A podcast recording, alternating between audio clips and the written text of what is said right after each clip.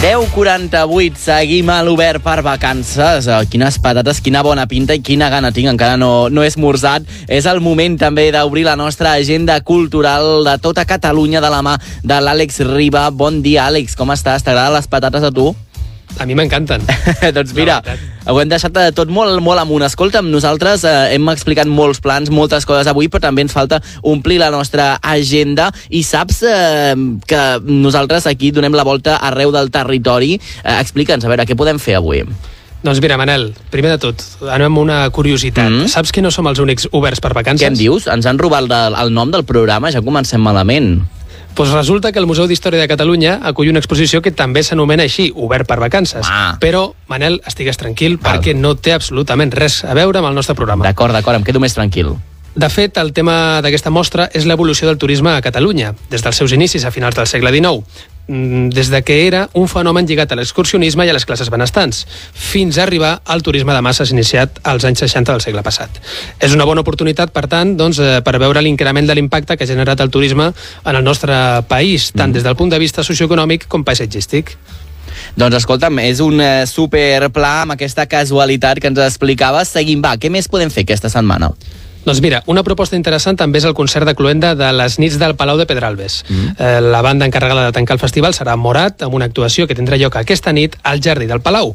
A més, el grup colombià està de celebració, ja que es compleix una dècada des dels seus inicis en el món de la música. Els més despistats, Manel, no sé si tu ja tens entrada o no, Ah, no, no tinc entrada, però és veritat que m'agrada molt Morat, t'ho haig de dir, sí, sí. A tu t'agrada Morat o no? A mi algunes cançons sí, la veritat. Home, tenen aquella de ¿Cómo te atreves a volver? Que jo crec que això és un hit justament de l'estiu. Podria ser-ho tranquil·lament, eh? D'altres estius, de passats estius. Doncs mira, estàs d'enhorabona perquè si encara no tens l'entrada pots mm. aconseguir-ne una per preus que oscil·len entre els 90 i els 120 euros. Ho vaig comprovar ahir i encara hi ha entrades disponibles. Mm -hmm. Doncs escolta'm, on es poden aconseguir aquestes uh, entrades? A través del portal web, potser? Sí, correcte. Mm -hmm. Correcte, correcte. Doncs allà podeu cercar aquestes entrades i, per tant, darrera oportunitat. Eh? Encara esteu a temps de poder anar a veure Morat al Palau de Pedralbes i explica'ns amb què acabarem l'agenda d'avui.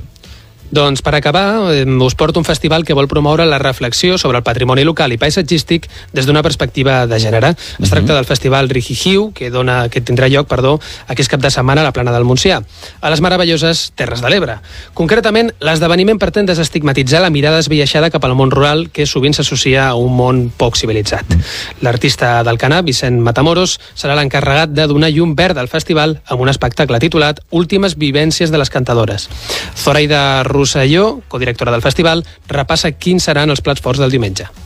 Per acabar, el diumenge 30 de juliol eh, presentarem l'exposició El crit del Rijijiu d'Iris Muñoz al Museu de la Pauma a les 6 de la tarda. Allà mateix eh, tindrem un col·loqui entorn al gest i les noves formes d'art i a dos quarts de nou a les faixes tindrem eh, l'espectacle eh, de Circ Espera que és una companyia que fan coses precioses en fibres vegetals per aquells que tinguin el cap de setmana ocupat i no puguin anar, doncs que sàpiguen que el Rijijiu tornarà a l'octubre a Santa Bàrbara, al municipi on va néixer.